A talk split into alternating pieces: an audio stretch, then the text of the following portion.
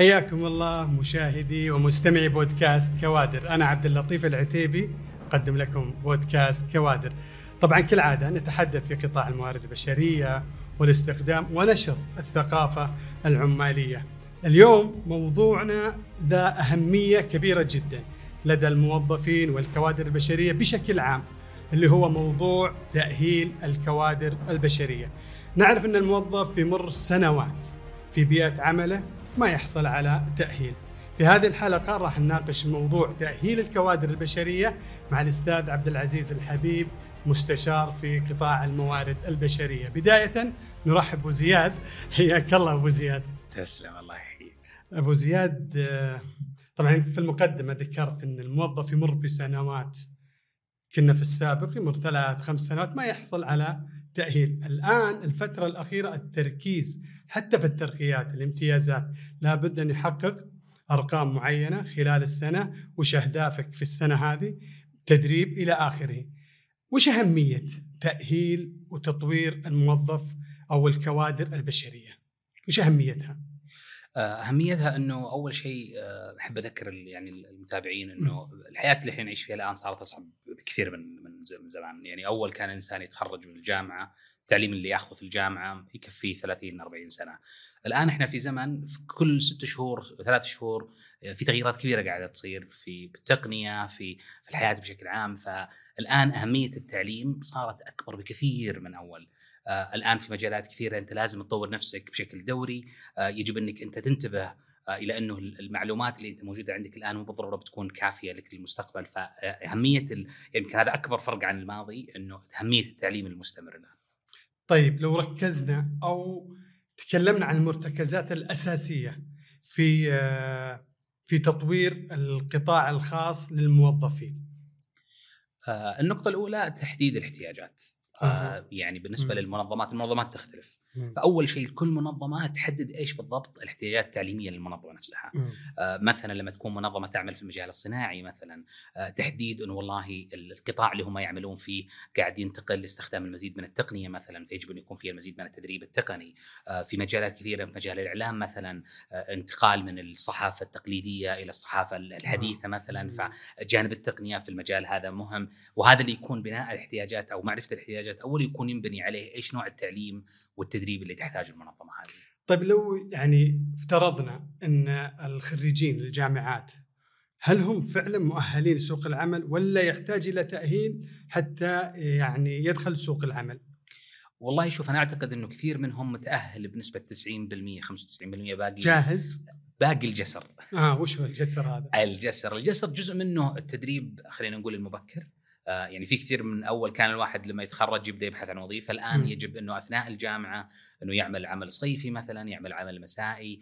والتدريب التعاوني آه، كثير من الناس إلى وقت قريب ما كان ياخذ التدريب التعاوني بشكل جدي. كان تعرف اللي يضبطني بس عشان أنا أقدر إيه. أخلص متطلب الجامعة. الآن كثير من الطلاب اللي أنا صرت أقابلهم السنين الأخيرة صاروا يستوعبون أهمية التدريب التعاوني إنه هذا التدريب التعاوني هو الجسر الحقيقي اللي وش ما كنت أخذت أحسن تعليم في العالم الجسر المهم هذا هو التدريب التعاوني اللي أنت ينقلك من الجانب المعرفي الأكاديمي اللي وش ما كانت الجامعة تحاول إنها تكون محدثة إلا ما يكون في نوع من الرتابة.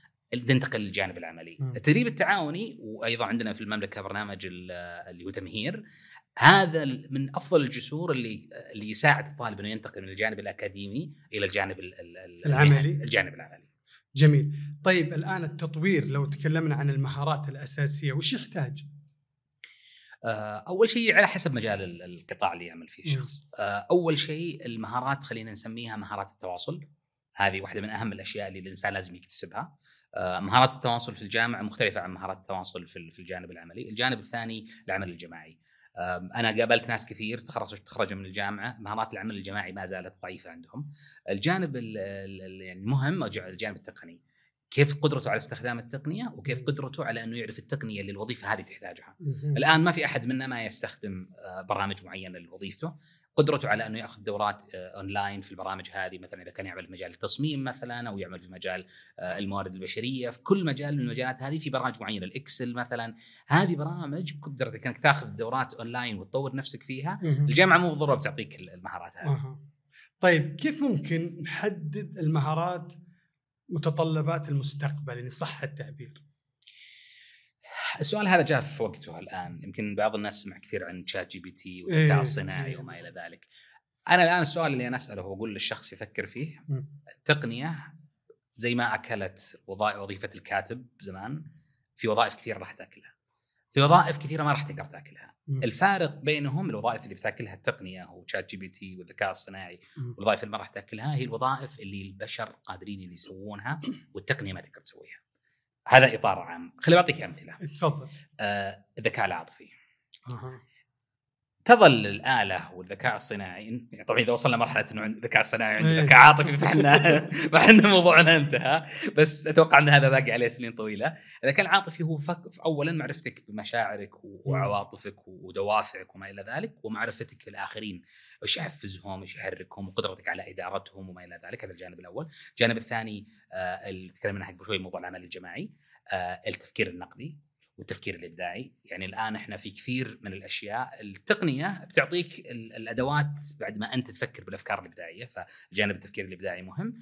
وقدرتك على التواصل مع الآخرين وفهم احتياجاتهم والعمل التكاملي. يمكن هذا المجموعة من المهارات اللي غالبا التقنية ما راح تقدر تغطيها.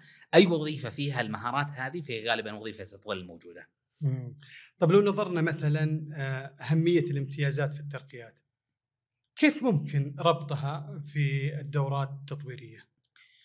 آه، أول شيء يعني هذه أنا يعني لما أقدم إرشاد مهني دائما أقول للشخص اللي يسألني السؤال إيه. هذا أول شيء كن شخص صعب الاستغناء عنه كيف؟ هذا مو عن طريق إنك تصير معقد ولا هو عن طريق إنك ما تعلم زملائك شغلك ولا هو عن طريق إنك تصير إنسان ما أنت متعاون لا هذا عن طريق إنك أول شيء تفهم إيش القيمة اللي أنت قادر إنك. وت- وتبحث عن القيم اللي الناس يأدونها وتعمل. معاهم لإنتاج أكبر قيمة للمنظمة هذا رقم واحد إنك تكون دائم التطور وهذا يرجع لموضوع التعلم المستمر آه. ثالثا إنه أنت تفكر مو فقط في المهام اللي أنت فيها وإنما في ال- اللي يسمونها ال big picture قدرتك آه. على إدراك.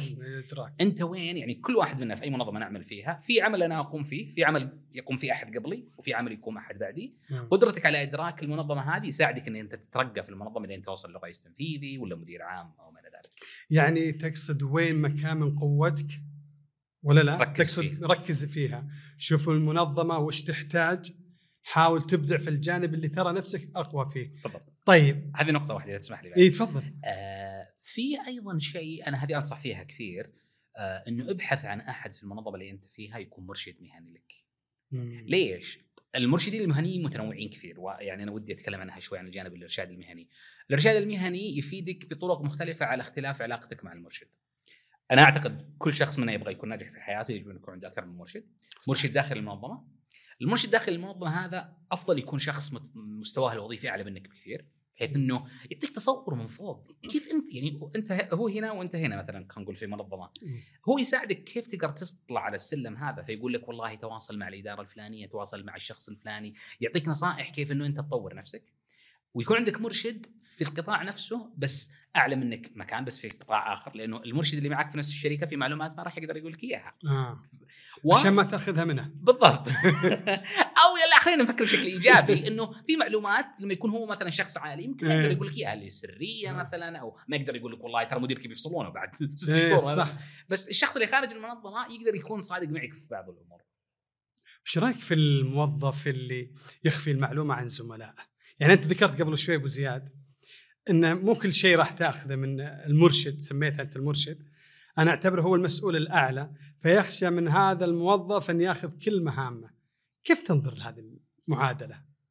والله أنا أشوف العمل المتاح للإنجاز أكبر من قدرة البشر على الإنجاز فلا تخاف على المهام اللي عندك إذا أنجزتها وأتقنت فيها بيجيك مهام إضافية والشخص اللي يكون يتعاون مع مع الجميع آه، غالبا هو بيترقى أكثر لأنه أنت قدرتك يعني خلينا نرجع وش دور القائد؟ دور القائد إنه ينتج المهام الكبيرة عن طريق الفريق اللي عنده فقدرتك على التناغم مع الناس اللي تعمل منهم هم اللي يوصلك.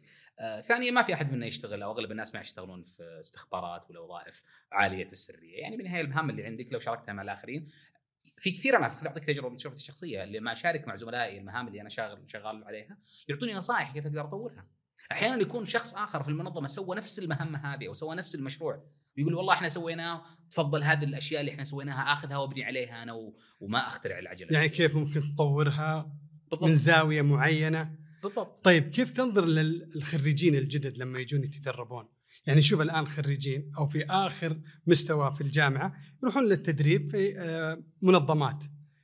هل ترى فعلا يأخذون المعلومة الكافية ولا مجرد بس ثلاثة شهور وقع لي على التقرير وإني أنجزت خلصت أنا مبسوط جدا من التغيير اللي قاعد يصير. نعم. يعني الآن. أشوف جزء كبير من الطلاب جاي يبغى يستفيد. يبغى يتعلم. يبغى يستفيد أو يتعلم. آه خليني بعطي بعض النصائح بس يعني إيه، هذا. اللي, ترفع مستوى استفادتهم. أول شيء أنت لسه في بداية حياتك. مم. فاجعل فرصه التدريب هي فرصة للاستكشاف ولا تبني قرارات نهائية. آه، في فصل يعني خلينا نفترض مثلا أنت والله خريج أو على وشك تخرج موارد بشرية مثلا. وانت تعمل في إدارة الموارد البشرية، لا تقول والله أنا أبغى التوظيف فقط ولا أبغى التدريب فقط ولا أبغى شؤون الموظفين فقط، لا اشتغل في المجال اللي هم عطوك وابحث عن مهام أخرى خارج إدارتك، تعرف على المنظمة، تعرف على الإدارات، في كثير من المنظمات المتدربين يعطونهم فرصة إنهم يأخذون جولة على الشركة مثلا، يحضرون اجتماعات في مختلف الإدارات مثلا لما يكون في محاضرات. فرصة التدريب التعاوني وأول سنة سنتين من حياتك المهنية فرصة للاستكشاف هذا رقم واحد. رقم اثنين إذا أنت جالس فاضي في التدريب فتدريبك فاشل. حاول تشغل نفسك.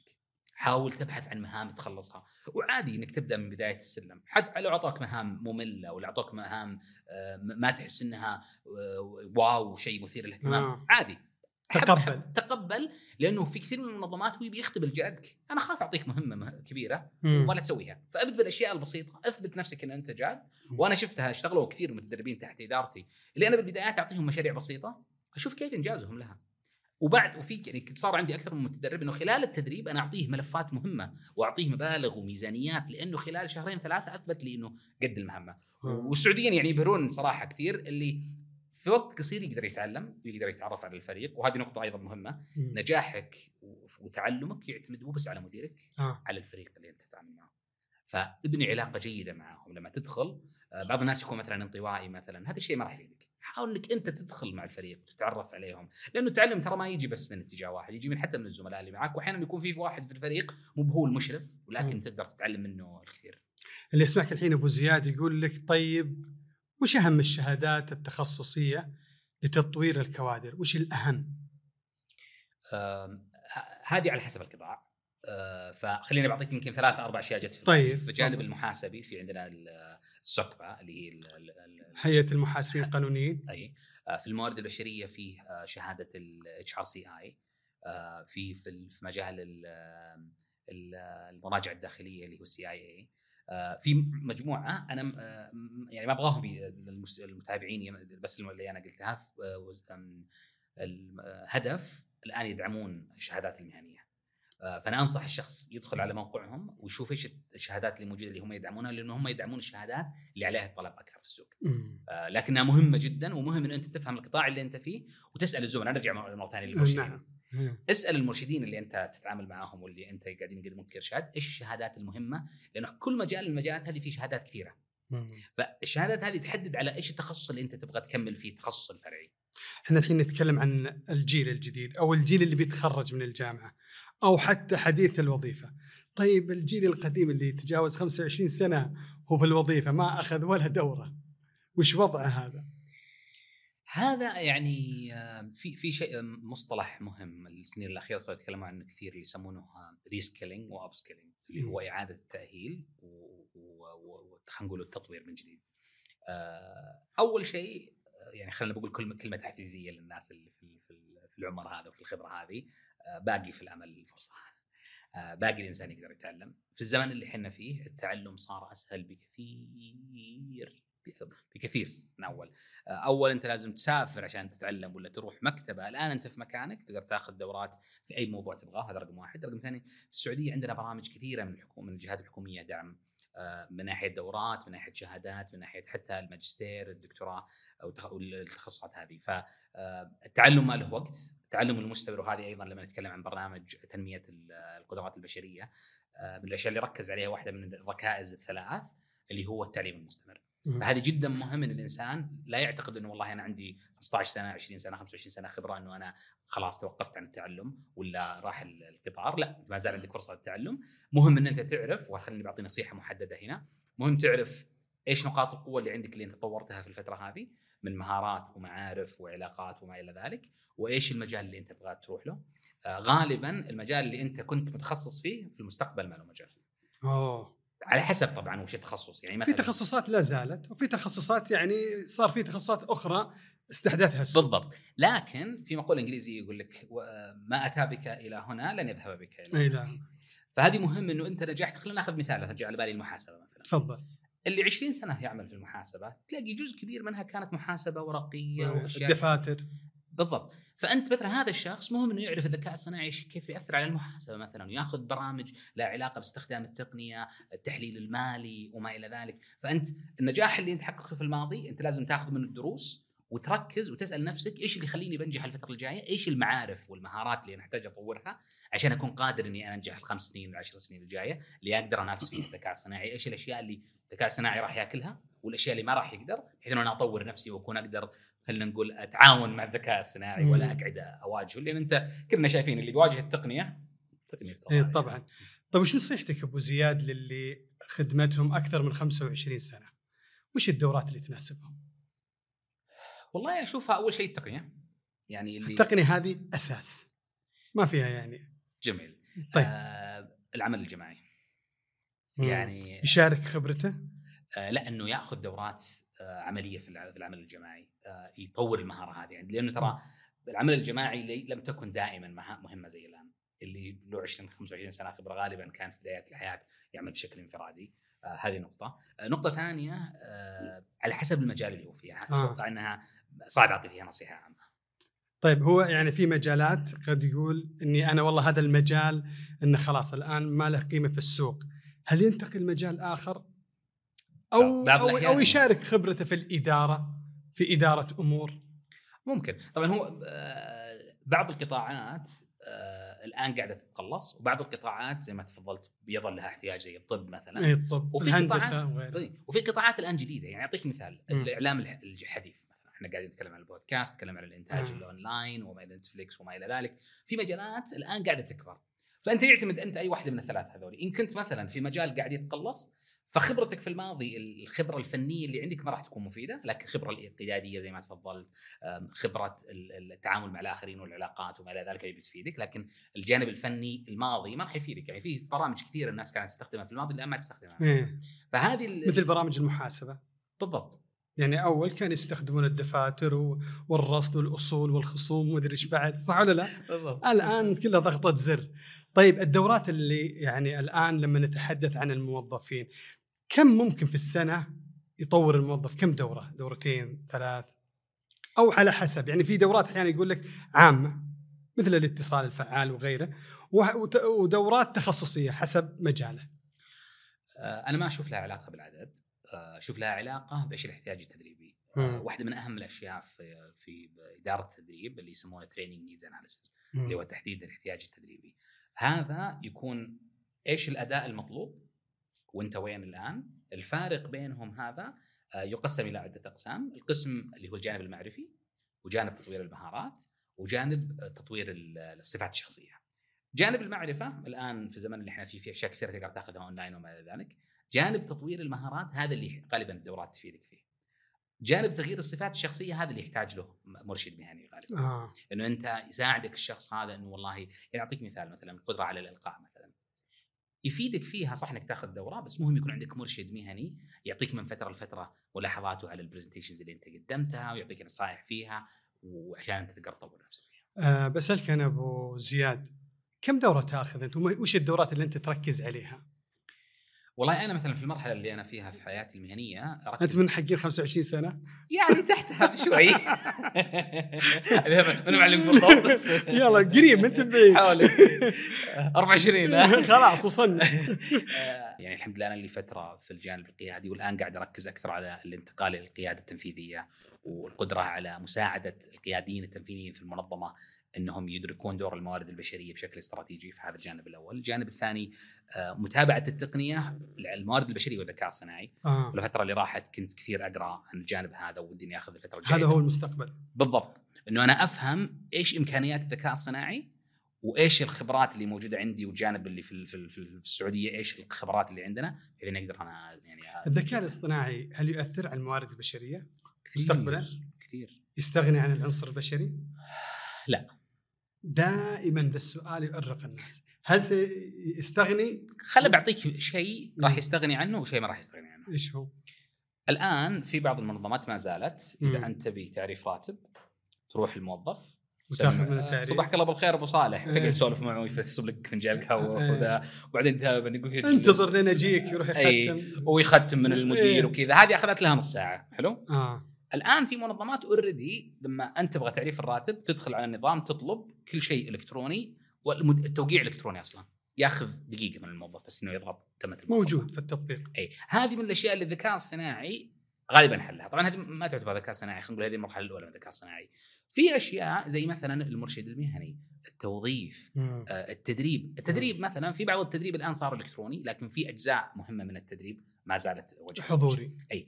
تطوير القيادات مثلا يعني اشتغلت على أكثر من برنامج تطوير القيادات. في أجزاء كثيرة منه ما تقدر الذكاء الصناعي لن يستطيع انه يقدمها لازم حضوري لازم حضوري مم. حضوري أو عن بعد بس اني أقصد إنه الذكاء الصناعي في أشياء أكل منها وراح يأكل منها وفي أشياء ستظل وهي اللي نرجع مرة ثانية اللي لها علاقة بالذكاء العاطفي اللي لها علاقة بالتفكير النقدي للتفكير الإبداعي يعني أعطيك مثال طب. التسويق آه. الذكاء الصناعي يقدر مثلا إنه بضغطه زر يعطاك إحصائيات عن كم نسبة الرجال والنساء في السعودية، كم نسبة اللي يشتركين اللي مشتركين بنوادي رياضية مثلا يقدر يعطيك إياها، بس تيجي تقول له عطني فكرة آه، مشروع تجاري ما يعطيك فكرة جيدة. مم. قدرته على إنه يطلع لك اسم مثلا. في أشياء يقدر يعطيك أفكار هو بس من اللي يختار الفكرة الجيدة ويربطها بشيء ثاني؟ هذا ما زال الذكاء الصناعي لسه إلى الآن. اي بالضبط. والله الحديث معك جميل أبو زياد. ودنا نطول معك. آه شكرا لحضورك. شكرا لاستجابتك الدعوة وشاكر ومقدر لهذه المعلومات الثرية. تسلم. الله يعطيك العافية سعيد إني كنت معكم. الشكر موصول لكم مستمعي ومشاهدي بودكاست كوادر. تقبلوا تحياتنا. إلى حلقات قادمة بإذن الله. إلى اللقاء.